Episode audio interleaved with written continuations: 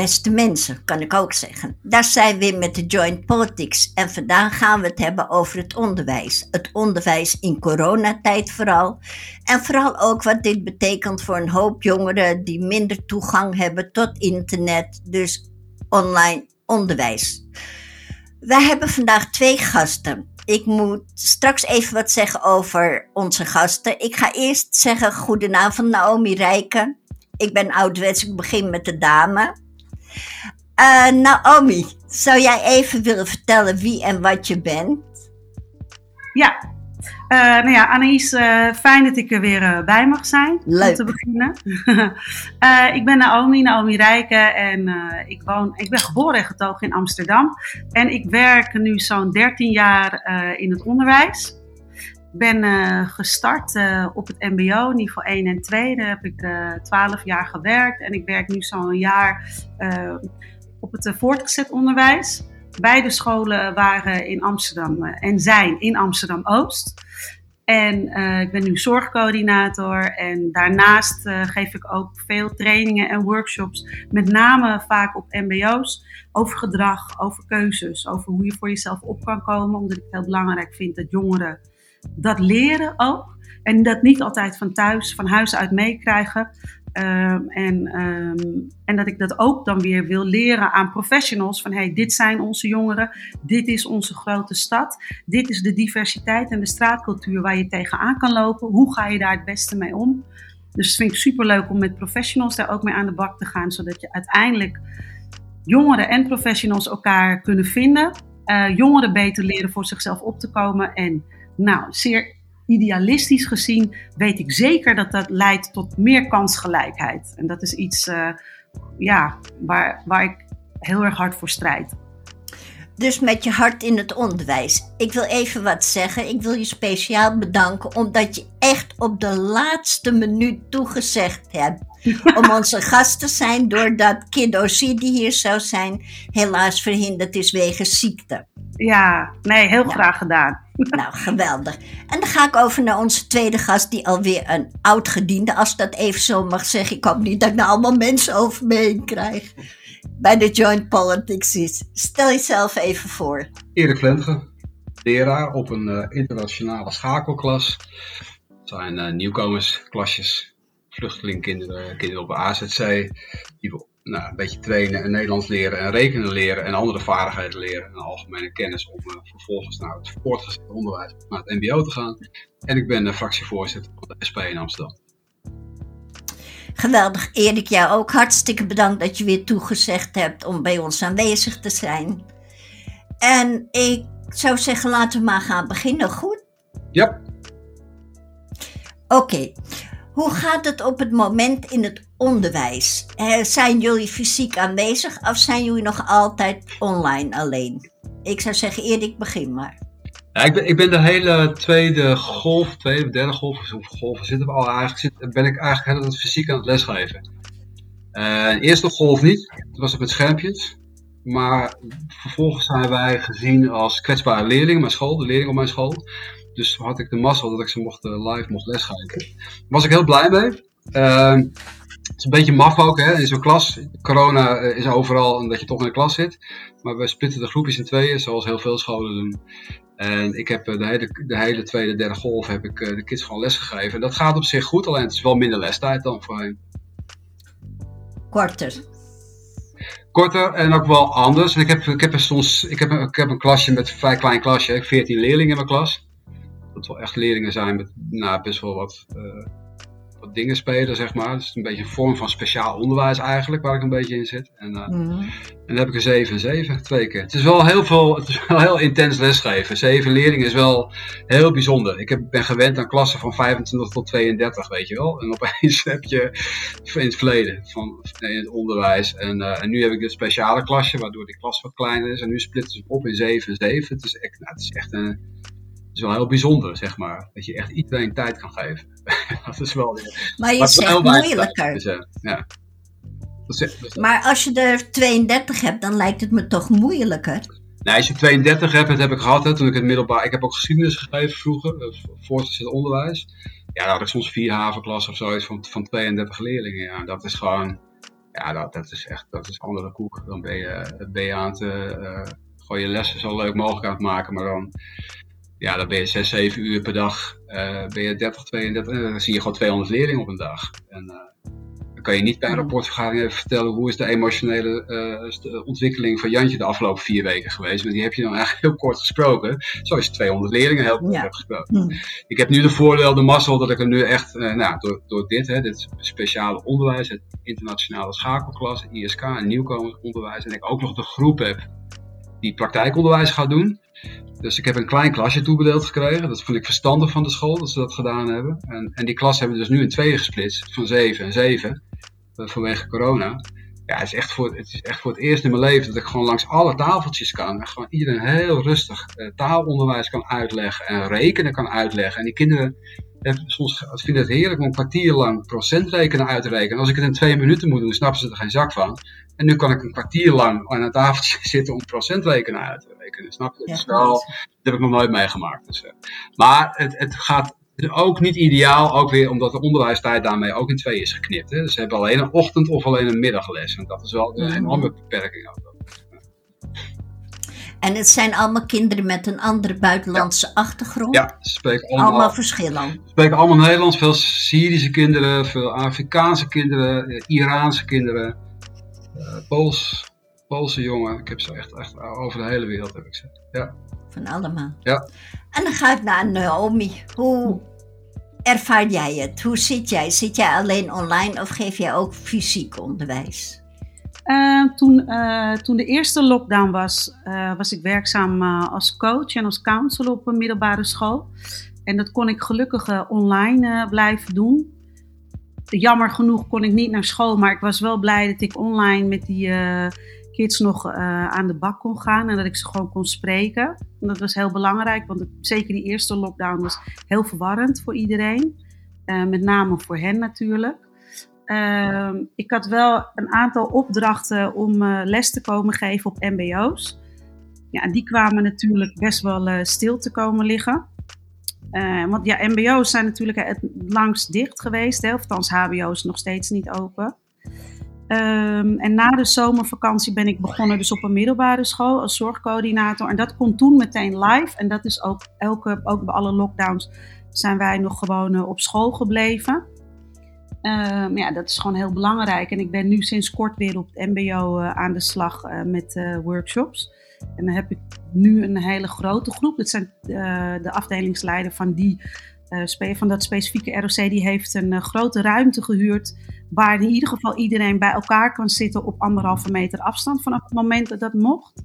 En dan heeft ze twee klassen samengevoegd. En één dag in de week krijgen die allemaal projecten om elkaar ook gewoon te zien.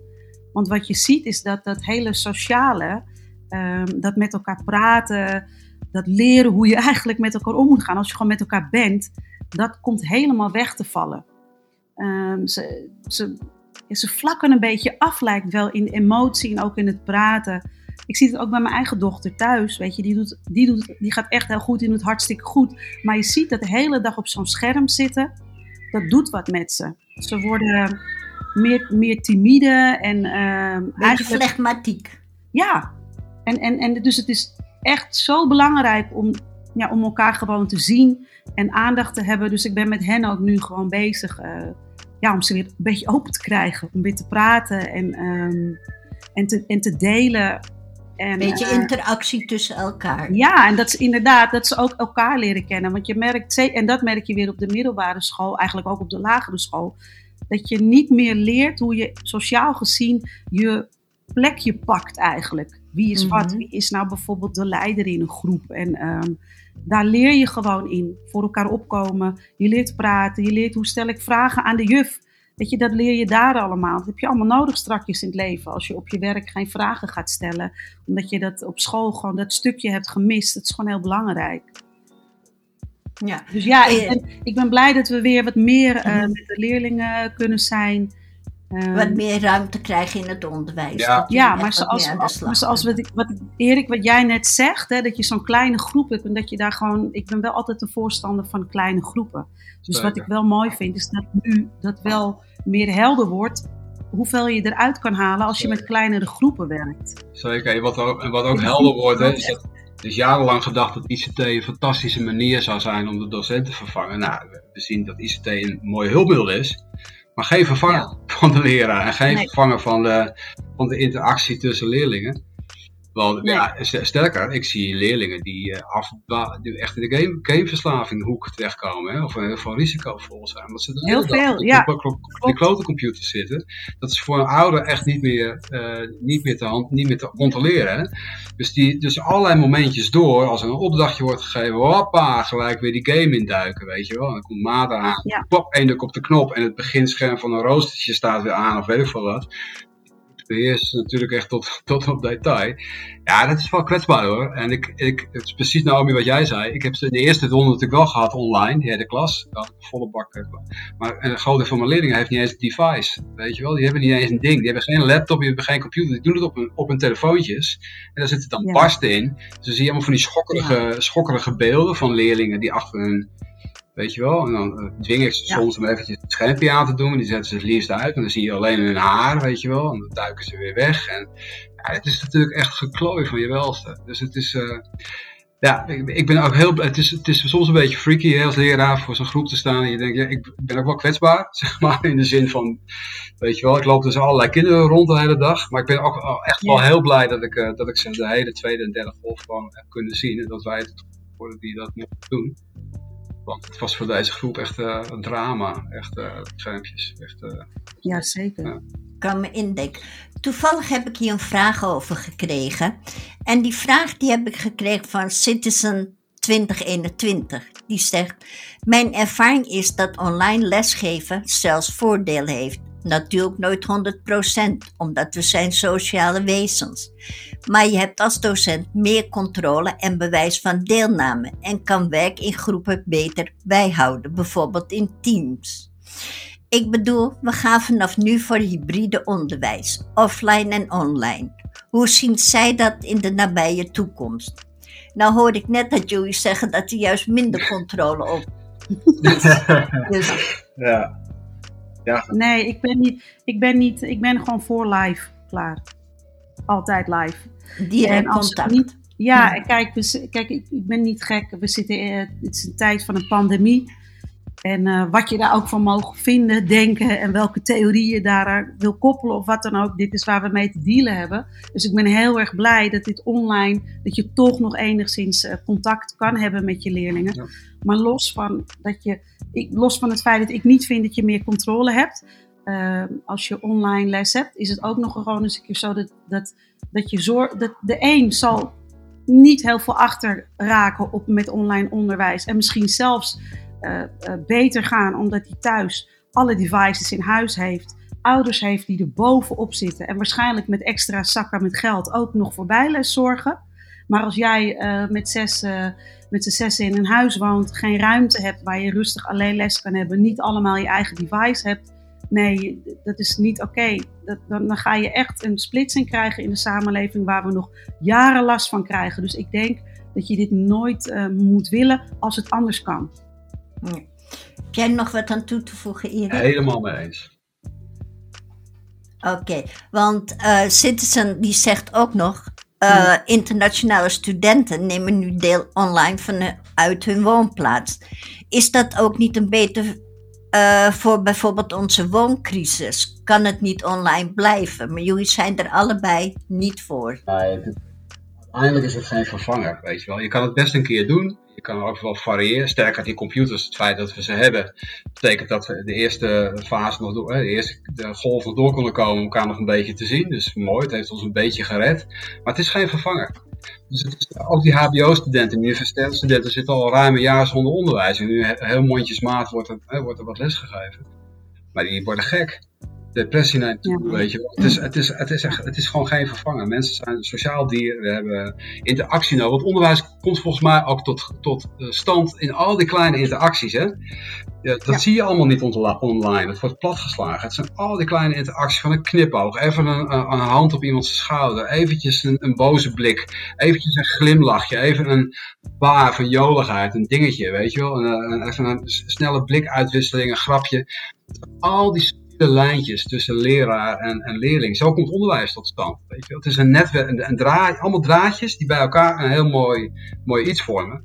Ja, en, en met zo'n schermpje, uh, ik vind het gezellig hoor, dit ook, maar, maar eigenlijk is het ja. leukst om met elkaar te lullen in een café ergens. Ja. Zo, weet je? Want, want dan zie ik hoe Naomi echt zit en kijkt en zo. En heb veel minder. Ja. En het gaat wel als volwassene, maar het is, is geen vervanger voor, voor de crew, zeg maar, dit, toch? We hier ook zitten. Dus, uh, of, in, of in jouw studio, uh, of in jouw studio dat geldt in de onderwijs. studio is het ook leuk. Ja, ja. en dat geldt voor onderwijs helemaal. En dat is, Naomi, het precies wat Naomi zegt. Juist voor de kwetsbare leerlingen. Als je geen dingen thuis hebt, geen devices, niet genoeg laptops, geen rustige plek.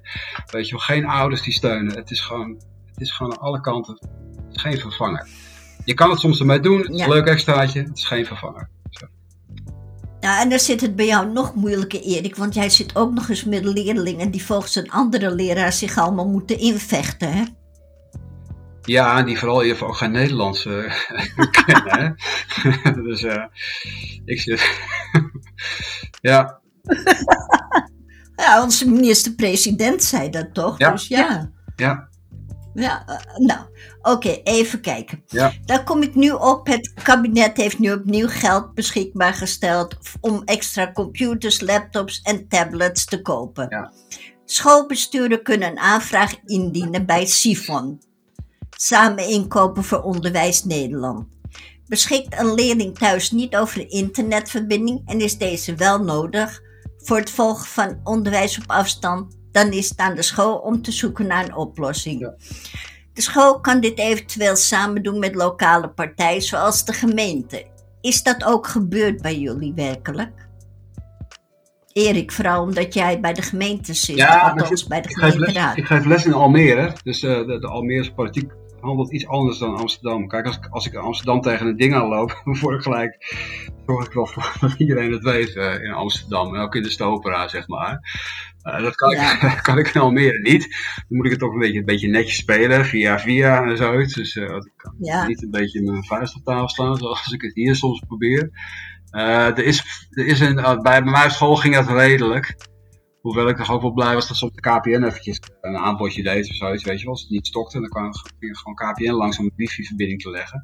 In Amsterdam is het volgens mij redelijk gelukt, maar dat kan Naomi beter, uh, denk ik, uh, beoordelen. Ja, Volgens mij er waren wel veel inspanningen, heb ik gezien. Ik weet niet of het altijd allemaal maar gelukt is, maar ik, ik zag in ieder geval wel dat, dat de gemeente het wel, uh, nou, in ieder geval wel zijn best deed om iedereen ook laptops te geven enzovoort. Maar uh, dat moet Naomi maar vertellen, ik kan dat denk ik beter. Nou Naomi, vertel. Nou ja, de school, uh, de middelbare school waar ik uh, het meest mee te maken heb, dat is een iPad-school, om het zo maar te zeggen. Dus daar had iedereen al een iPad. Dus, was, dus die uh, omschakeling ging eigenlijk super snel.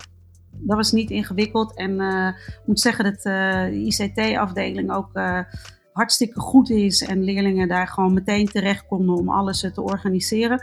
Toen ik daar uh, net werkte, werkte ik daar nog als uh, freelancer en ik kreeg meteen ook een iPad mee gekoppeld aan de school naar huis om, nou ik geloof, om meteen aan de bak te kunnen met al die leerlingen, ze uit te nodigen. Dus dat was vrij snel allemaal op orde.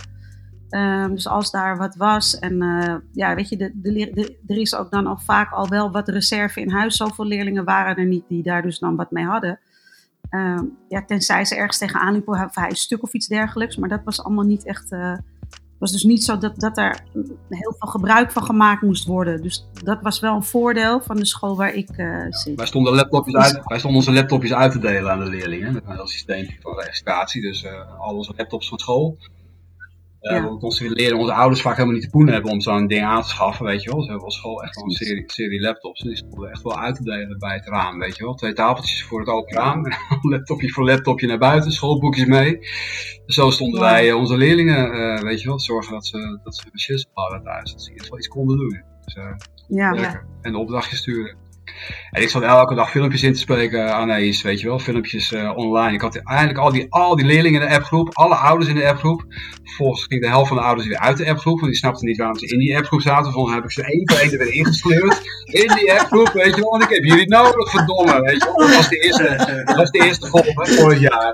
En al die kinderen, ja, die gaan natuurlijk allemaal zitten keten, klieren en zo op mijn, op ja. mijn telefoon. Ik dacht, ja, eigenlijk vind ik, ben ik er helemaal niet blij mee. Maar ja, dat is de enige manier waarop ik het kon doen. Want er was één collega bij ons die bleef volharden in e-mails sturen. Ja, mijn leerlingen die gaan geen e-mails lezen, joh. Donder op, dat gaan ze echt niet doen. Die moet je gewoon op Insta, weet je wel, of op, uh, weet je wat, of, op WhatsApp gaan we wel, maar echt niet op e-mails gaan ze niet lezen.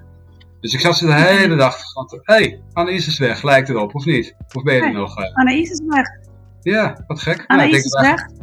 Ik denk dat wij door moeten praten, uh, Naomi. Want ik, volgens mij gaat uh, de show door. Dus uh, nou, in ieder geval, volgens mij ook. die leerlingen die, die, die heb ik de hele dag met filmpjes lopen sturen, weet je wel. Ze appjes gestuurd. En nou wil ik dat je dit doet. Jongens, ik heb nog niks ontvangen. En nog even het belang, weet je wel. Dan zat ik in zo'n soort schermpje. En dan gingen ze schermpjes voor mij. Fotootjes nemen van die filmpjes. gingen ze dan plaatsen. En oh, ja. dingen bij doen. Dus het, was wel, het was wel schattig. Maar het werkte wel, weet je wel. Het werkte in zekere zin. Werkte. Ja, het werkte ja, ik, ik vind het wel. Uh, de verhalen zijn ook. Ik merk ook wel. Ik was toen op een gegeven moment bij een klas. Ik zeg, hoe gaat het eigenlijk met jullie? Zeg, hoe vinden jullie dit uh, online? Nou ja, weet je, en de een zegt, ja, ik vind het echt vreselijk, meteen vanuit zijn hart. De ander zegt, nou, ik vind het niet zo leuk. Ik merk dat ik afstond. Ja. De lessen, die zeiden ook van, nou, ik vind het wel lekker dat ik me niet hoef aan te kleden of niet hoef te haasten. Ik kan gewoon lekker relaxed. Maar daarna ben ik ook relaxed en ik doe niks.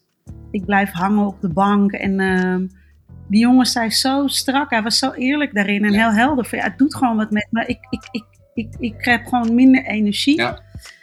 En ik doe gewoon niks meer daarna. En ik was altijd vier keer voetballen in de week. En ik doe gewoon niks meer. En, ik, nou, en, en dat is wat je, wat je wel ziet.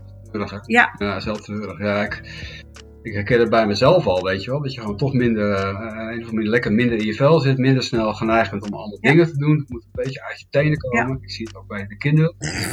En als je dan kwetsbaar bent, dan is het wel een beetje kwetsbaar. Of een beetje de neiging al hebt om een beetje dat soort gedrag te vertonen. Dan is het snel gepiept hoor. En dan ligt depressie op de loer, hè? Heel snel, dat soort, uh, dat soort ellende. Nou ja, dat dus.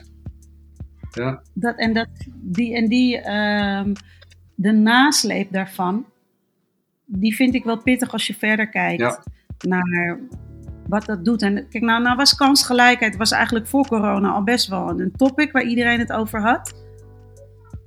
En waar iedereen zich misschien ook iets meer bewust van lijkt te worden. Lijkt, ja. hopelijk. Ja. En de corona heeft het, heeft het niet beter gemaakt. Nee, nee. Anaïs is terug, zeg ik tegen de luisteraars. Anaïs, we zien jou weer. Maar we, we hebben, wij lullen, wij lullen gewoon door, Annees. Dus, uh, we hebben je helemaal niet meer nodig. Echt, uh, we, we gaan gewoon door. We hebben de uitzending overgenomen.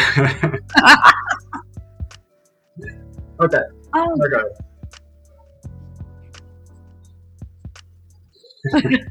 ik weet, ja. Ga. Inderdaad, ik, ik kan er wat aan toevoegen. Want uh, ik heb een tijd geleden heb ik een uh, opleidingsmanager van het ROC van Amsterdam ge geïnterviewd.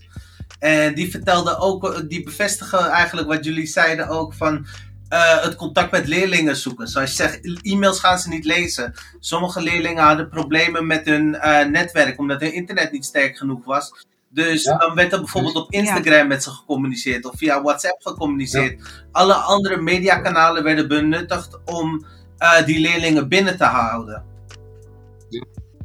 Ja, exact exact dat. Nou, dus we zijn het wel over eens dat uh, in de toekomst online alleen lesgeven niet zaligmakend is. Nee, niet als vervanger. Leuk extraatje, leuk als extraatje en niet als ja. vervanger. Absoluut niet als vervanger. Dan heb ik een vraag van dokter Sharifa Semouri. Die, ik denk dat Erik haar wel kent. Van Denk. Ja. Vraag, we zien de dat de hele wereld innoveert, maar onze klaslokalen zijn niet veel veranderd. Hoe zien de twee gasten innovatie in het onderwijs met digitalisering, meer werken op de cloud en online? Nou, daar hebben we eigenlijk al heel veel van beantwoord in, de vorige, in het vorige gesprekje. Dus dan pak ik het tweede gedeelte. Tafels en stoelen op anderhalve meter van elkaar in klaslokaal zou voldoende bescherming moeten bieden. Professor Bluizen en vele andere wetenschappers zijn er echter van overtuigd dat er een belangrijke derde besmettingsroute is via microscopisch kleine speekseldruppeltjes aerosolen die lang in de lucht blijven hangen. Zijn jullie daar bang voor? Nee, ik ben er niet bang voor.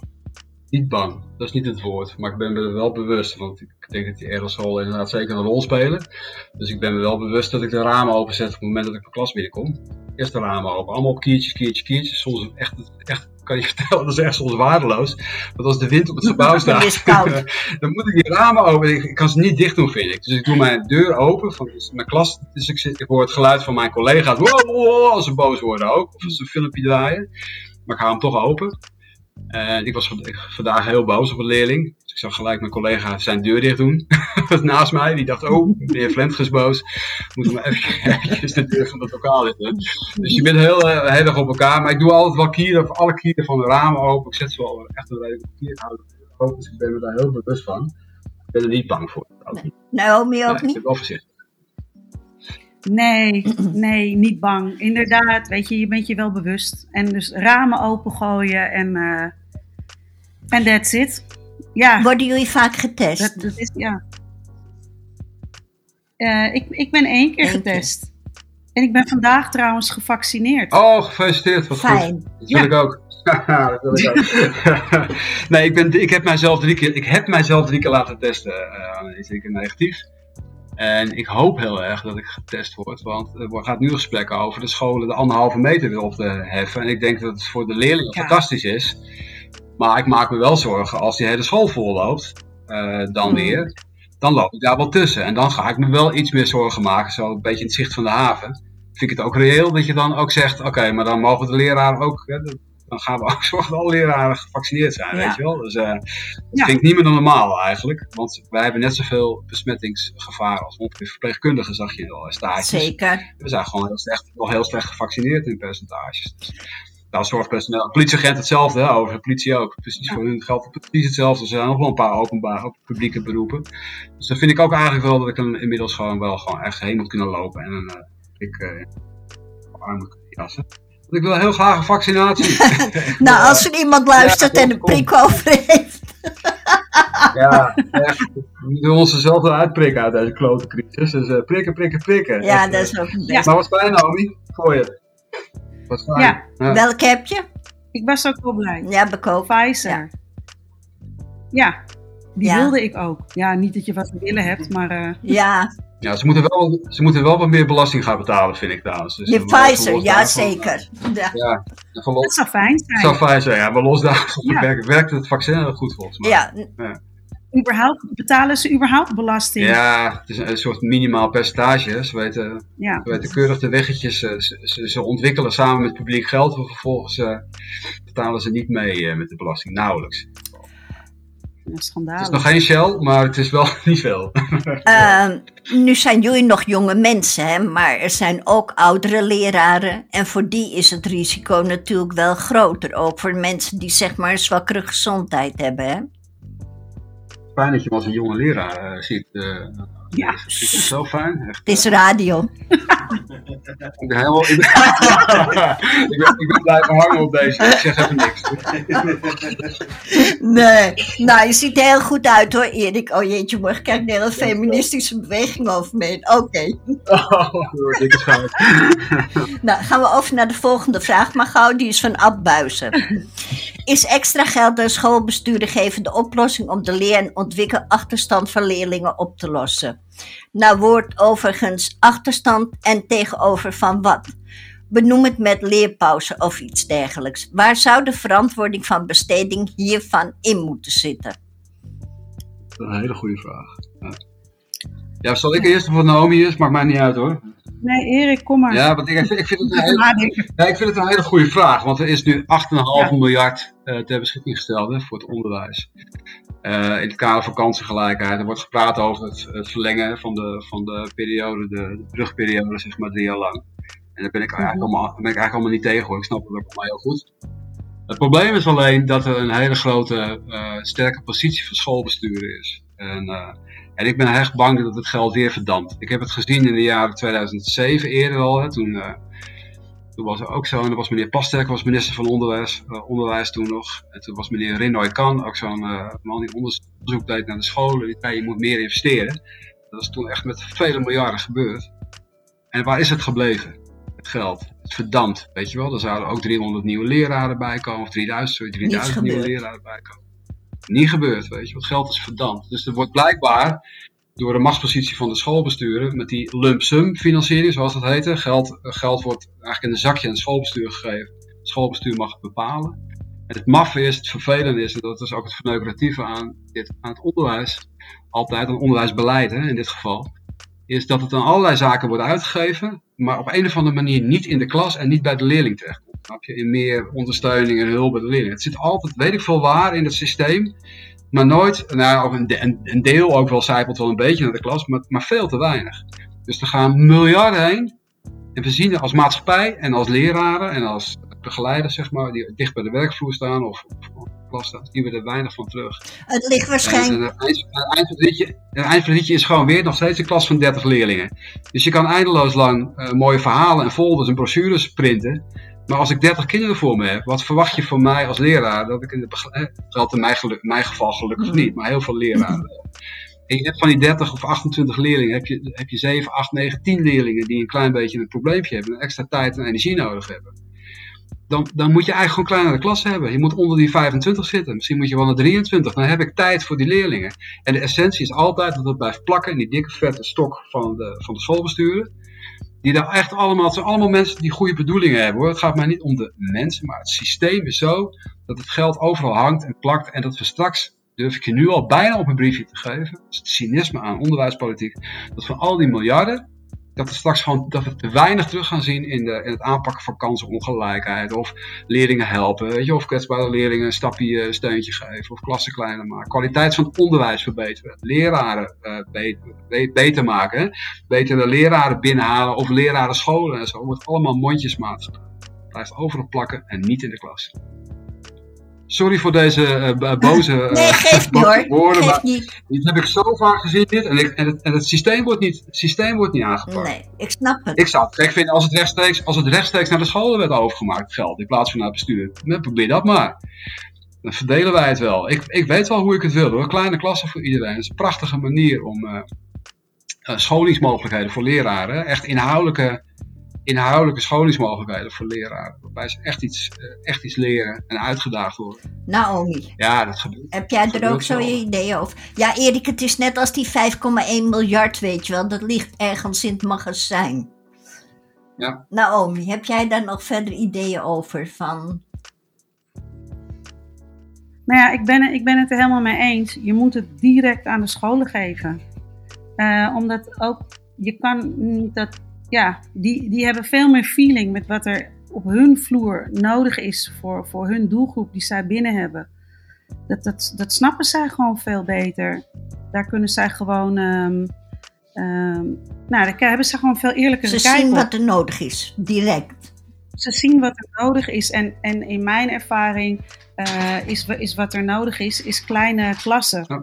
Ook, oh, weet je. En um, als je niet kleine klassen wil of kan doen, dan moet je daar gewoon, dan moet je, vind ik dat je daar twee mentoren op moet zetten, ja, eerlijk gezegd. Dan gooi je um, ja, ik, ik, ja. Ik, ik, ik, vind dat echt heel jammer als dat niet gebeurt. Kleine klassen werkt gewoon. Het gaat om die aandacht. En eigenlijk vind ik ook dat je in het curriculum dat je het ook gewoon moet aanpassen. En dat er meer lessen moeten komen die gaan over de groei uh, van, van, van de leerling op vlakken. Kijk, ik zie dat leerlingen vaak uitvallen op op gedrag eerder nog dan per se op, op, op cijfers. Ik, ik vind dat daar meer aandacht aan aangegeven moet worden in vakken, ook op school. Dat het niet mondjesmaat uh, aangetipt moet worden, maar echt, dat je er echt gewoon echt aandacht aan gaat besteden. Dat zou nu ook wel helpen.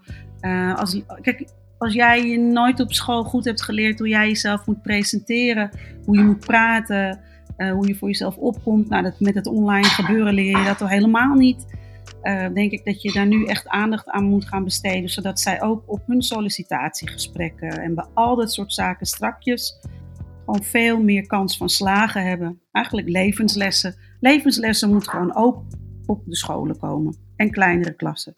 En meer personeel. En hogere salarissen. Zo. Nou, dat vraagt ab ook. Wordt de rol die vakken als drama, muziek, beeldende vorming en dergelijke kunnen spelen in het onderwijs wel ten volle benut? Nee, vind ik niet. Nee, nee, vind ik niet altijd even, nee, vind ik niet altijd even sterk. Nee, ik ook niet. Nou, ik denk dat het wel beter kan.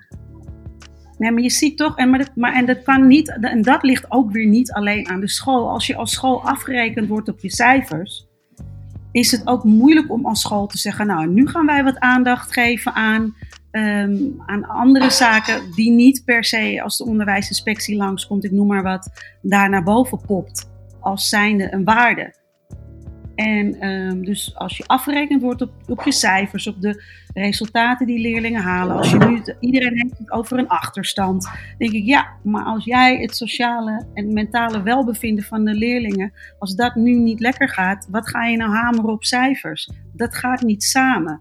Uh, dus, als je daar, dus je kan aan de ene kant ook geld pompen in een school, maar als je nog steeds wordt afgerekend op ander type resultaat dan wat ik bijvoorbeeld wenselijk vind, wat jij als mens uh, moet leren en moet kunnen, uh, ja, dan, heb je ook, dan moet je aan beide kanten dus wat veranderen.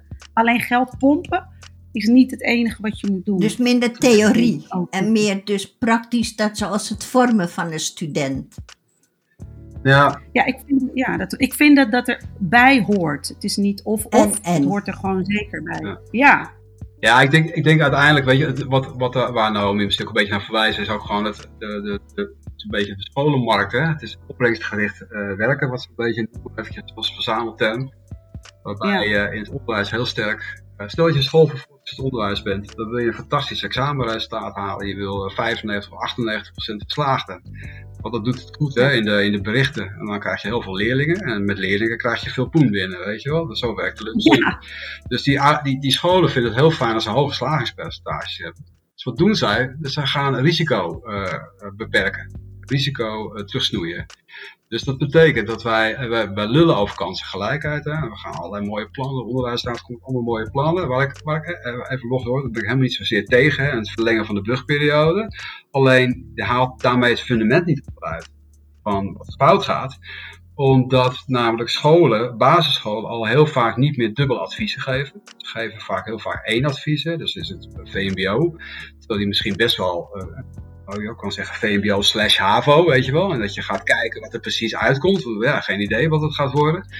Uh, en wat doen de scholen voor voortgezet onderwijs als, zo'n leerling binnenkomen? Ook als die twee adviezen heeft, dan, geven ze, dan gaan ze toch een beetje voorzichtiger open. Niet alle scholen gelukkig. Er zijn scholen die zich aan, daar echt aan onttrekken. Maar er zijn scholen die denken, ja, ik, ik, ik wil niet helemaal af, afgetikt worden. Want als je iedereen probeert zo hoog mogelijk te laten eindigen, en dat lukt een paar keer niet, dan zie je dat de leerlingen blijven zitten, moeten afstromen, examencijfers wat minder zijn. En paf, dan krijg je de inspectie over je en je krijgt een afrekening. Dat is het opbrengstgerecht werken. En ik zeg het nu eventjes vrij direct, maar het is, het is, niet heel ver, ik dik het niet heel veel aan hoor. Ik zeg het een beetje stellig nu. En dat betekent dat die scholen ook risico's gaan indekken door de schoolbestuur, schoolbestuur en via de schoolbestuur uiteindelijk de scholen. En dat je zegt, nou we gaan we iets voorzichtiger, want dan hebben we goede doorstroomcijfers. We weinig zittenblijvers. Dan hebben we mooie examenresultaten, weet je wel. En, en dit zijn de systematieken onder in het onderwijs de bek over, over de kwaliteit van de leraren, weet je wel. Dat moet ook echt weer beter worden. Mensen moeten echt weer gewoon geschoold worden. Ik wil ook wel hele dingen uitleggen over de vakkennis. En dan gaat het van vakkennis tot aan beeldende kunst, tot aan Nederlands, tot aan rekenen, tot aan wiskunde. Maar ook inderdaad creatieve vakken. Want er zijn leerlingen die, die dat juist weer heel goed kunnen, weet je wel. Die met hun handen werken fantastisch zijn. Uh, uh, wat voor vak het ook is gewoon goede bevlogen docenten hebben die geschoold zijn. Ook zich laten scholen steeds daar tijd voor hebben dat is goed voor, het onderwijs, eh, inhoudelijke scholing krijgen, de nieuwste ontwikkelingen te krijgen. Maar aan alle kanten zitten we eigenlijk in een systeem gebakken waarbij we juist precies tegenovergesteld en, uh, gevangen die opbrengstgericht werken, we concurreren elkaar. Ja. En, en, en zo pesten we voor een deel al die mooie rapporten, mooie verhalen en zo verpesten we uiteindelijk weer kansengelijkheid. Want scholen doen, schoolbestuur doen bijna allemaal heel veel doen aan risicobeperking. Altijd risicobeperking en dat is zo kwalijk het gaat niet meer om het onderwijs, maar het gaat meer om dat de school een goede naam heeft. Ja, want stel dat je heel veel risico neemt, hè, Anaïs. Dus, uh, en je neemt heel veel risico. Je zet alle leerlingen op het hoofdadvies. En aan het eind blijken allemaal leerlingen weg te vallen, uh, afgeschaald te worden. Misschien een net iets laag onderwijs of misschien slecht examen. Dan sta jij als enige in de regio sta jij met 75% slaging. Ik noem maar wat, 80%. Mooi resultaat, maar, het is, maar je buurman heeft er 95 of 98%. Dan sta je toch te kakken. En wat doen die ouders? Van, die kijken naar het, die kennen het verhaal daarachter helemaal niet. Dat wordt helemaal niet beloond. Hè? Je kan ook zeggen, je moet juist belonen. Zoiets. Nee, we straffen het af. Dus die ouder kijkt naar, dat zou ik ook doen, die kijken naar, oeh, dat is wel een stuk minder dan die andere scholen. Die kennen het verhaal er misschien niet achter. En gaan de leerlingen dus naar die andere school sturen. En binnen no time sta je, eh, sta je, uh, zit je in financiële problemen of wat voor problemen. En dan heb je een slechte naam. Dat is toch niet goed. Nee, dat is, slecht, dat is toch niet goed. Dat is toch niet de manier. Je moet het juist belonen. Scholen risico's nemen. Ten voordeel van de leerling moet je belonen. Nou, dan heb ik nog één vraag en daarna wil ik even vrij gaan sparren als dat mag. Arnold, Terpstra Arnold, die zegt: Ik kan me herinneren dat we basispolitiek, ethiek en economie kregen en volgens mij niet meer. Klopt dit? En zo ja, waarom niet? En opnieuw invoeren. Basispolitiek, ethiek en wat zei hij nog meer? Dat we basispolitiek, ethiek en economie kregen. Economie is er nog? Economie wel, ja. ja. ja, economie is er nog basispolitiek is gewoon maatschappijleer nu. Een beetje bij geschiedenis zit het. Soms in vakken overstijgende dingen. Ethiek is denk ik wel echt iets voor gymnasium of hogescholen of uh, universiteiten of zo. Ik heb, ik heb op mijn scholen nooit ethiek uh, gegeven. Laat, nee. Nou, nooit gezien. Nee. Uh, maar hij vindt dat het wel weer ingevoerd moet worden, begrijp ja. ik? Ik zou, ja. ik zou filosofie wel mooi vinden. Ik ben benieuwd hoe Naomi dat vindt. Zo'n vak filosofie basisschool. Ja, filosofie wordt, ja, is op de basisschool. Ja, ja jij noemde levensles, hè? Zo'n zo soort vak, filosofie, levensles of zo. Dat zou ik nou mooi vinden. Ik, ik vind dat vanaf, uh, dat moet gewoon vanaf, uh, vanaf zodra ze naar school gaan totdat ze klaar zijn. Ik denk dat het heel belangrijk is. Ik denk dat je daar ook in mee zou kunnen nemen. Uh, mensen zijn toch altijd gewend om in hun eigen bubbel te leven. Ik denk dat je op die manier gewoon andermans bubbel ook heel goed erin kan krijgen. Dat je gewoon veel meer verbinding krijgt en dat je weet gewoon dat je met z'n allen samen het gewoon moet flikken. Um, en, dat, en dat leer je gewoon, denk ik, het beste op school. Ja, nou ja, dus ethiek, nou ja, ethiek, filosofie, uh, levenslessen, uh, aandacht voor elkaar, leren praten, communiceren met elkaar. Leren redeneren, dat soort dingen ook. Ja. ja, ja. Zien dat een, dat een probleem soms heel veel kanten heeft. Dat het nooit één, één, is nooit één zwart-witte verhaal. Ja. Er zit altijd van alles. Precies. Ja. De, de eerste les in mijn workshop die ik geef, die heet ook Hoe zie jij het? waarin ik altijd focus leg op dat in principe één situatie, één gebeurtenis. Er zijn gewoon heel veel meningen over. En ga, vraag daar eens naar en, en kijk eens verder dan hoe jij iets ziet. En nou, empathie zou ook een goed vak kunnen zijn of een onderdeel van een vak. Kan je dat leren? Ik denk dat je wel kan leren, want het is zo grappig als een, een advocaat kan ook altijd heel goed uh, beargumenteren of beredeneren voor een ander maar dan krijg je dit. Maar zit er empathie achter nou ja, of is dat gewoon beroepsethos? Dan, dan, dan denk ik, ik denk als je natuurlijk, eh, empathie zit misschien niet in iedereen, maar dan heb je misschien ook, eh, dan kan het zijn dat er psychisch iets meer met je aan de hand is als je empathie niet op kan brengen. maar ik, uh, ik hou even maar. maar ik kan me wel zo voorstellen, als je gewoon leert, wat, weet je, als je luistert naar elkaar, hè, soms, je leert iets kennen wat je nog niet wist en je had daar, nou ja, onbekend maakt onbemind, dat klinkt allemaal heel mm afgezaagd, maar dat is wel zo. Als je het niet ja, weet, dan, ja, ik denk dat we daar wat meer aandacht aan moeten geven. En misschien moeten we daar wat meer bij helpen. Ik denk dat leraren, leraren moeten, moet je dat een beetje leer, goede leraar in ieder geval doet het de hele dag door. Hè? Die benut elk moment. Als de leerlingen van de speelplaats komen in de basisschool, die hebben ruzie met elkaar. Uh, die gaan niet pak alleen maar doen of zoiets, weet je, over met elkaar praten. Nee. Maar die benutten dat moment. En die zorgen dat daar een gesprekje ja. over komt, over die ruzie op het schoolplein. Hoe los je dat met elkaar op? Dat is een goede leraar. En het voortgezet onderwijs zijn die problemen wat zwaarder. En MBO ja, dat is nog wat uh, harder. Meer uh, streetwise gasten die uh, van alles hebben meegemaakt. Meer dan de leraar vaak. En, maar dat zijn, wel, ja, dat zijn wel de dingen die je moet benutten. En de momenten die je op moet benutten. Hoe spannend ook. Weet je, ja. ik, ik, was als leraar geschiedenis, was ik altijd onwijs bewust. Als er eens in de zoveel tijd de eerste pleuris uitbrak in Palestina dan was ik me bewust dat ik het juist wel ging bespreken. En er waren echt totale verschillende meningen in de klas, maar ik ging het juist bespreken. Want ik wist hoe het zat. Maar ik zorgde dat daar, hè, ik zorgde dat we, als de leesvoer, ik zorgde dat ze beide kanten van het conflict goed snapten.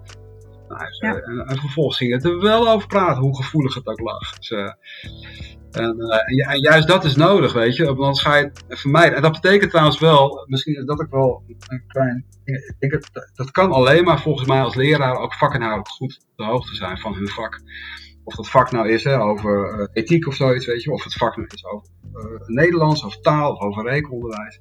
Je kan pas als leraar volgens mij echt dat soort dingen doen. Durf je pas de free als je ook gewoon echt gewoon de materie gewoon beheerst. En je, je hebt pedagogische vaardigheden, maar je hebt ook de vakkennis. Dan kan je spelen met dingen. Dan durf je veel meer, heb je meer vertrouwen. Ik ben erg wel, ik ben altijd heel erg voor uh, vakkennis. En dat is heel breed. Vakkennis is ook, uh, kan iedereen zijn welk vak dan ook. Leraren hebben pedagogische kennis nodig, maar ook heel veel inhoudelijke kennis. Ja, ik denk ook, wat ik ook belangrijk vind bij, uh, bij leraren, is dat ze ook Kijk, als je werkt met uh, al deze jonge mensen, kom je ook wel eens, uh, of heel vaak kom je gewoon jezelf tegen. Want ik zit met allemaal kids in een klas en uh, soms raakt iemand je wel en dan doet iemand iets met je. En hoe ga je daar ermee om? Ga je zo'n hele andere mening dan hoe jij het eigenlijk ziet of denkt hoe het hoort? Ga je nog luisteren naar die leerling? Ga je erkennen? Ga je iemand de ruimte geven om nog te praten en te vragen? En ik denk dat dat zie ik ook wel vaak gewoon nog te vaak dat dat niet gebeurt. Dat bijvoorbeeld als een, een leerling, ik kan me nog herinneren dat een leerling tegen me zei, ja, is maar goed ook, want uh, Amerika verdient dit, want uh, zij stuurde die drones, dus lekker voor ze dat, dat die en die toen vermoord is. Dat die en die journalist toen door IS uh, eh, vermoord is, is lekker voor ze. En hij keek me echt zo aan van zo, en dan wat juf. Wat ga jij nu zeggen dan tegen me? Hij dacht ja. Ja, dus en ik zei van nou, ik zeg, wat blij, ik ben blij dat je dit deelt. Weet je, hoe komt het dat je er zo over denkt? En hij had echt zoiets van, wow, ik dacht ik word er nu uitgeflikkerd en daar gaan we weer. En ik ben gewoon met hem in gesprek gegaan. Ik heb gevraagd aan de rest van de klas, wat vind je ervan? En uiteindelijk komen we dan tot een gesprek en, hij uiteindelijk kom je dan tot een hele gekwetste jongen.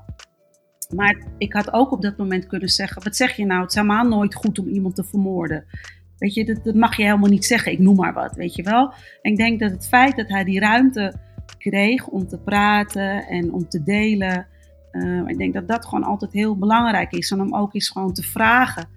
Of als, en als hij iets zegt, of ik heb ook eens gehad een leerling iets zei dat me best wel raakt. En dan zei ik ook, wauw, weet je, deze komt wel binnen, dit raakt me wel. En dat je daar dan ook een gesprek over hebt. Hm, denk. Mag een leerling je kwetsbaar zien? Die vraag voor jullie af. Oh ja, nou ja, ja ik, ik, ben, ik stel me heel vaak heel kwetsbaar op in de zin van dat als, ik, als het nodig is, als ik van hen verwacht om te delen, om uh, persoonlijke ervaringen te delen, um, om, uh, als ik een les geef over seksuele assertiviteit, dan geef ik ook als voorbeeld de, uh, de, dingen die ik wel eens heb meegemaakt. De keer dat ik ben lastiggevallen in mijn eigen huis door mijn loodgieter. En dat ik dan ook zei van ja, en het was geen film. Dat gebeurde echt. En, uh, en... Nou, nou doe je me toch echt wel wat aan. Hè? Want ik moet nu meteen aan Barbara Streisand denken. Oh, echt? Even Jack the plumber. He's the man at your door. He, I have a knife to tell him. nou, die, maar goed, ga die door. ga ik de volgende keer Sorry. ook gooien. Nee, maar dan... Maar dan nee, maar dan vertel ik ze gewoon. Weet je, en dan vraag ik aan hen: hoe denken jullie dat ik heb gereageerd? Wat heb ik gedaan? Nou, en dan vertellen ze dan. En meestal denken ze ook dat ik wel strak was. En dan vertel ik ook eerlijk: ik klapte dicht. Ik wist niet hoe ik moest reageren. Nou ja, en dan komen de verhalen bij hen ook. Dus in dat opzicht vertel ik ook hoe ik een miljoen keer op mijn bek ben gegaan. En hoe ik eigenlijk tot op de dag van vandaag nog op mijn bek ga. Hoe ik. Uh, Wat we allemaal doen. Ja, omdat. Of dat ik fout zit, of als zij iets zeggen en ik zit ernaast, dat ik zeg: Oh wauw, dat is, dat ken ik niet. Of ik zit ernaast, ik heb het fout. Um, ja, dus ik denk dat dat wel goed is. Maar het moet ook, je moet het wel kunnen. Maar ik denk dat het wel goed is als je van hen iets verwacht. Om zelf ook een stukje van jezelf uh, te laten zien. Ben ik altijd wel een voorstander van. Ik, want ik zie ook dat het werkt. Het maakt je menselijk en daardoor benaderbaar. Ja, en ook niet dat ik me verheven voel boven hen. Jij wil wat zeggen? Ja, nou ja, wat, wat ik heel interessant vind is, ik luister ook hoe jullie um, de hele evolutie van uh, het klaslokaal eigenlijk, nu op het moment dat alles digitaal is geworden. En uh, wat, wat ik ook vaak heb gepeild, vaak heb gehoord, ook uit ervaringen van mensen, is dat zij uh, eigenlijk nooit echt een eerlijke start hebben gehad op de digitale snelweg. Want je bent jong, je roept maar allemaal shit als je 13 bent of 12 dan, roep, je, roep je maar wel iets op Twitter wat zoveel jaar later weer terug in je gezicht explodeert. En daardoor, omdat er over de ethiek wordt gesproken, dat is ook een gedeelte van hoe ga je met social media om? Hoe bestuur je dat? Uh, dat is ook een belangrijk onderdeel wat eigenlijk terug zou moeten zien. Dus eigenlijk uh, dingen die heel, uh, ja, of ouderwets of klassikaal, noem het hoe je het wil noemen, uh, eigenlijk in een ander jas terug laat komen, omdat het gewoon heel een geëvalueerde situatie is. Het is niet meer zoals het vroeger was, de klas. Ja. Dus moeilijker. Ja, is het ook. Ja, daarmee is dus, dus de ruimte voor leerlingen ook om te spelen en fouten te maken, is ook gewoon beperkter geworden. Want het wordt gelijk opgenomen. Of het staat inderdaad voor eeuwig gebrandmerkt op, op, op het internet. Nooit meer vanaf. ja, het is echt. Uh, ja, het is wel treurig. Hè? Ik vind heel veel, uh, heel veel aan, uh, aan ontwikkelingen, ICT-ontwikkeling hartstikke mooi. Maar er zitten ook wel echt wel klote kanten aan, om het maar even zo te benoemen. Ja. Jee, Mina. Zeker als je jong bent. Ik heb fouten gemaakt, man. Als het vastgelegd was op film, mijn hemel. Dan was ik, had je mij echt kunnen afgeven. Ik kan me een paar feestjes herinneren dat ik niet echt de meest fraaie dingen geroepen en laten zien heb, volgens mij. En, ik was ook ooit jong. je niet meer vertellen.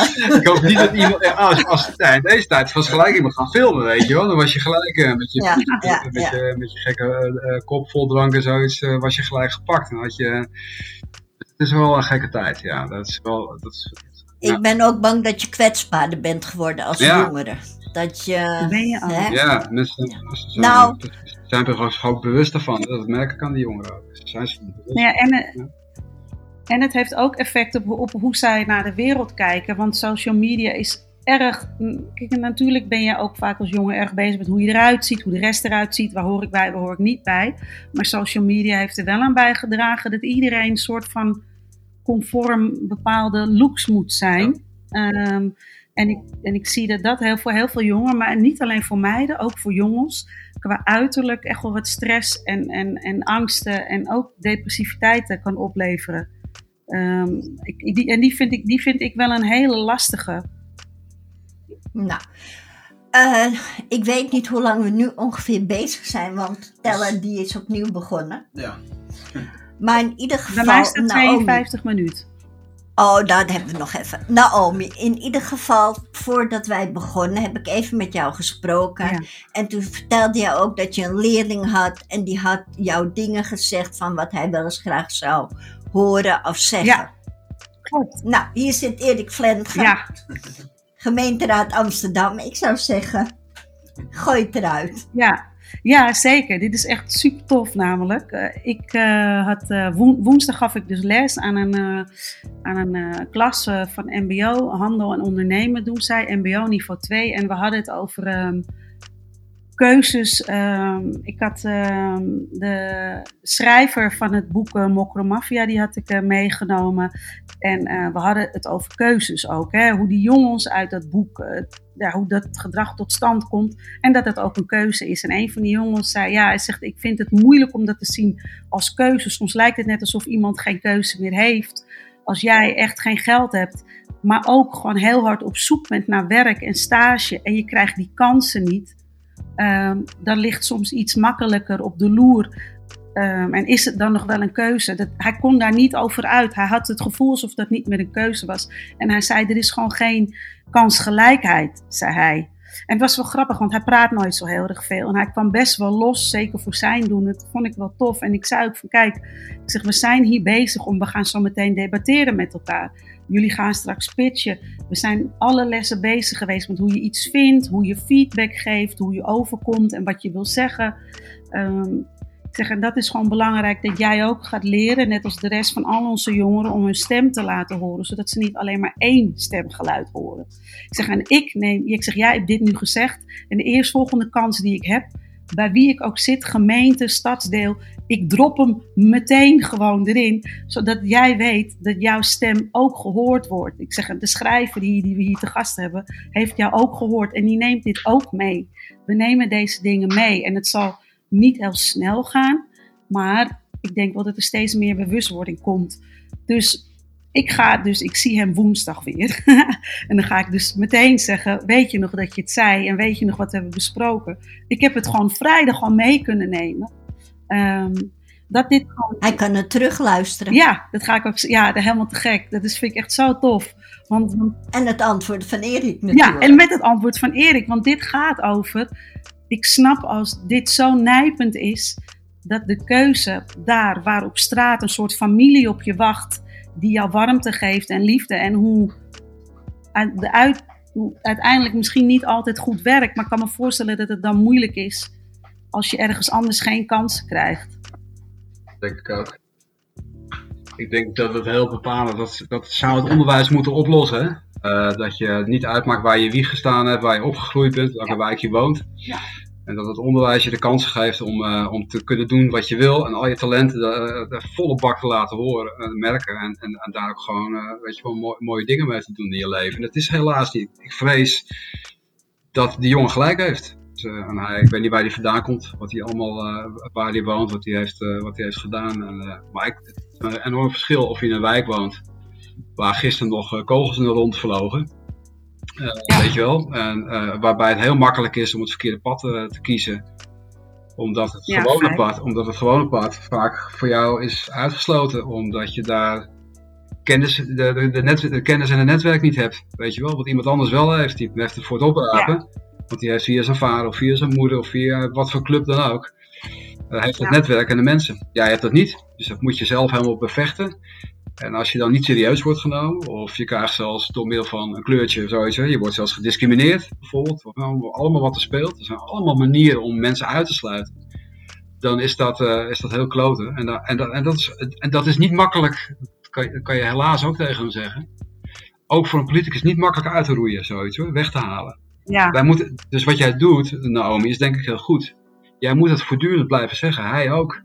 Als hij een podium krijgt, moet hij dat ook zeggen. En, uh, en dus ja. zeg ik het samen met hem een keer. Als we een keer een kans krijgen, dan moet ik hem eerst even ontmoeten. Ja, graag. Dan zeggen we het samen. Ja, haal je eraan. Precies, want hij is, ik weet niet, ik ken hem niet, maar hij is gewoon, hij is een getalenteerde gast waarschijnlijk. Hij kan allerlei dingen. Ja. En je wil, ja. je wil dat hij de kansen kan pakken en dat hij niet wordt beoordeeld op zijn afkomst of dat hij het netwerkje niet heeft, maar op zijn, op zijn kunde of op zijn, wat hij is als mens. Ja. En dat kunnen we alleen maar door eindeloos lang te beuken, te beuken, te beuken. Dat kunnen we beleid maken in de gemeenteraad, maar dat gaat hem niet worden voor. Dat zal echt maatschappelijk moeten plaatsvinden. Door mensen te beseffen. Uh, werkgevers, ja. ondernemers, uh, politie, uh, ouders, omgeving, winkels in de buurt. Weet je wel, alles en iedereen moet snappen. Deze gasten moet je niet snel afschrijven. Van een getalenteerde nee. goos tegenover je. En dat kunnen we dus alleen maar heel vaak bladen en zeggen. Bladen is een slecht woord, maar heel vaak zeggen en roepen dit. En, en ja, daar heb ik natuurlijk een beetje kans voor. Jij ook, Naomi. Jij bent ook gebekt. Dus wij moeten het allebei heel hard roepen. En met ons heel veel andere bondgenoten die we dat steeds maar moeten blijven roepen om het zichtbaar te maken. Dat er heel veel talenten zijn voor jongens die graag willen. En die je niet moet frustreren, ja. want dan, zoek, dan ben je hem kwijt. Als je hem een paar keer frustreert, dan ben je hem kwijt. Dan, dan, hè, of misschien niet hij, maar misschien een andere wel, als een buurman, buurman wel. Dan ben je hem kwijt. En dat moet niet. Ja. Maar gebeurt, is dit al niet al heel lang aan de gang? Want eigenlijk zijn de buurten in Amsterdam uh, die nu meer wat uptown zijn, maar vroeger eigenlijk gewoon ook ghetto waren, waar mensen ook minder kansen hadden. En hoeveel jaar roepen we nou al niet dat er verandering moet komen? En dat wordt dan vooral geroepen door jongelui die uit die buurt komen. Maar de rest, die op het Barlees terechtkomen, die daarna gaan studeren, die geeft er eigenlijk geen fluit om. Ja, wat je, kijk, want dat hoor ik Erik ook zeggen. En dat, vond ik, dat vind ik juist zo tof ook dat jij dat zegt, Erik. Het is dus ook. Dus ik wil dat die jongeren weten dat je van je moet laten horen. En altijd nooit op moet geven. En blijven knokken. En, en, en, en ja, hard werken daar ook aan. Uh, en blijven praten. En blijven opkomen voor jezelf. Maar inderdaad, aan de andere kant, dus die jongeren die van het Barlees afkomen en uh, die uiteindelijk de, in de maatschappij ook een dusdanige rol gaan innemen dat ze daar veranderingen ook in kunnen aanbrengen, die moeten dat ook leren. Die moeten leren dat er meer is dan hun eigen bubbel. Die moeten leren dat de wereld er gewoon anders uitziet dan dat zij op het Barlees, om het maar zo over te zeggen, gewend zijn. En dat al die mensen die zij niet kennen in hun bubbel ook talenten hebben. En dat we het samen fantastische mooie dingen kunnen neerzetten. Um, ja, en dus, dus het moet echt van beide kanten komen. Het is niet zo, zoals die ene docent, die andere politicus docent zei, je moet je blijven invechten. Ja, ook. Ja, maar die herinnert zich het toch niet meer.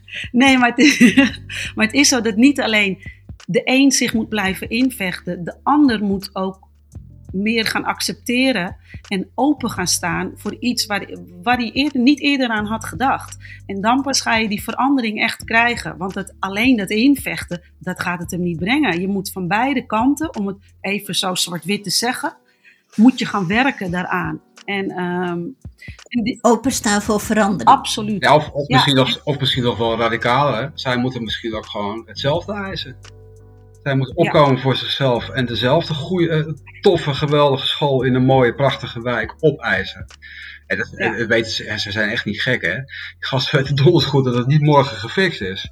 Maar dat je gewoon met minder geen genoegen neemt. Be proud, weet je. Waarom zou je, waarom zou je minder vragen? Ik zie het in Zuidoost, eh, het ook trouwens een andere wijk in Noord. Ik zie heel veel trots. Ik was laatst dit weekend nog in Zuidoost vanwege die schietpartij op Kraaiennest. Hè? Die, dat peutertje van twee jaar een kogel Dat, dat was een prachtige... Dat was toen de, de K-buurt een prachtige demo, eh, een manifestatie georganiseerd. Ik was er.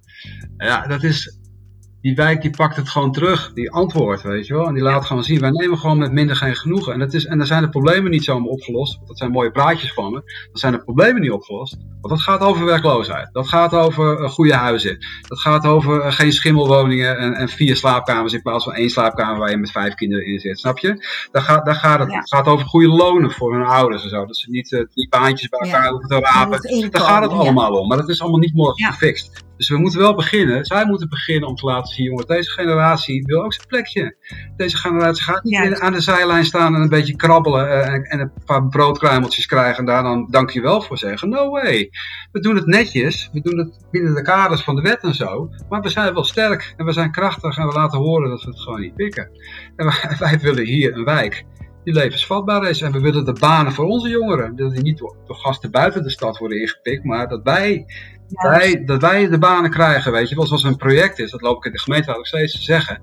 Als je een project start, zorg dat je de lokale jongeren opleidt, in plaats van dat je allemaal personeel van buiten haalt, weet je, experts of waar je het ook of waarom, waarom, waarom leidt zo'n bedrijf de jongeren niet op? Dus laten we maar met die jongeren dan een keer voor zo'n bedrijf gaan staan. Ga de lokale jongeren scholen. Wat denk je, dat die Marokkaanse jongen of die Surinaamse jongen of die het Nederlandse jongen in Noord of zo, of Zuidoost, dat die het niet kan, donder op, geef hem een opleiding. Die gast kan hartstikke goed, geef die, jongens, geef die jongens een kans.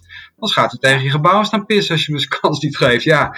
Uh, dus, zij, dus wij moeten hopen. Heeft ze wij, ja, bijna, bijna wel. Nee, het is natuurlijk nooit goed, dus laat ik dat niet, laat ik dat niet op me nemen. Maar ik bedoel, uh, zij moeten, zij moeten trots zijn en wij moeten hen ook de eisen geven. Want je moet niet met, tegen de jongeren zeggen: het is allemaal wel goed. En zo, dat vragen ze niet, hè? Zijn vragen serieus genomen te worden. Dus laten we ook gewoon hoge eisen aan ze stellen. Wij moeten hoge eisen aan hun stellen. En zij moeten zeggen, en ik wil dat je ook hoge eisen aan me stelt. En ik wil het beste onderwijs. Nou ja, dat is de enige manier met trots en een positief vechtvermogen, zeg ik maar eventjes, om iets terug te pakken. Weet je wel? Dus, uh, ja. En dat, dat wil ik graag verwoorden. En ik wil die jongen graag een keer ontmoeten. Dat is hartstikke leuk. Dan ga, kom ik een keer naar je school. We lekker klas. De hele klas vind ik ook goed, wat je wil. Oh, serieus? Ja, tuurlijk. Hartstikke leuk, oh. toch? Ja, of, oh, super tof. Ja, zeg het maar. Nou, ik weet niet hoe jullie het willen doen. Ik kan jullie elkaars uh, e-mail, WhatsApp geven. Dus precies, doe maar appjes over weer. Doe maar via de app is het makkelijkst, het snelst. Ja. ja. Via de app. Nou, oké, dat kan ik dus doen. Uh, ik denk dat we nu wel aan het eind van het gesprek gekomen zijn. Ik vond het laatste gedeelte heel erg. Ja, jammer hè? Vooral laat maar Naomi, die moest ook, die had maar zoveel tijd. Want zij is even ingevallen voor Kiddo C. die wij uh, beterschap wensen vanaf deze ja, plek. Beterschap. En uh, ja, nou, we kunnen het best nog een keer doen hoor. Dan gaan we even wat dieper erop in. En dan zonder vragen, dat we jullie echt zelf helemaal aan het woord kunnen laten. En misschien ook met jongeren. Oh, dat zou jongeren die hun eigen. Nou. Ja, dit is, dit is dus een klein projectje waar ik mee bezig ben. Uh, politiek en jongeren bij elkaar te brengen.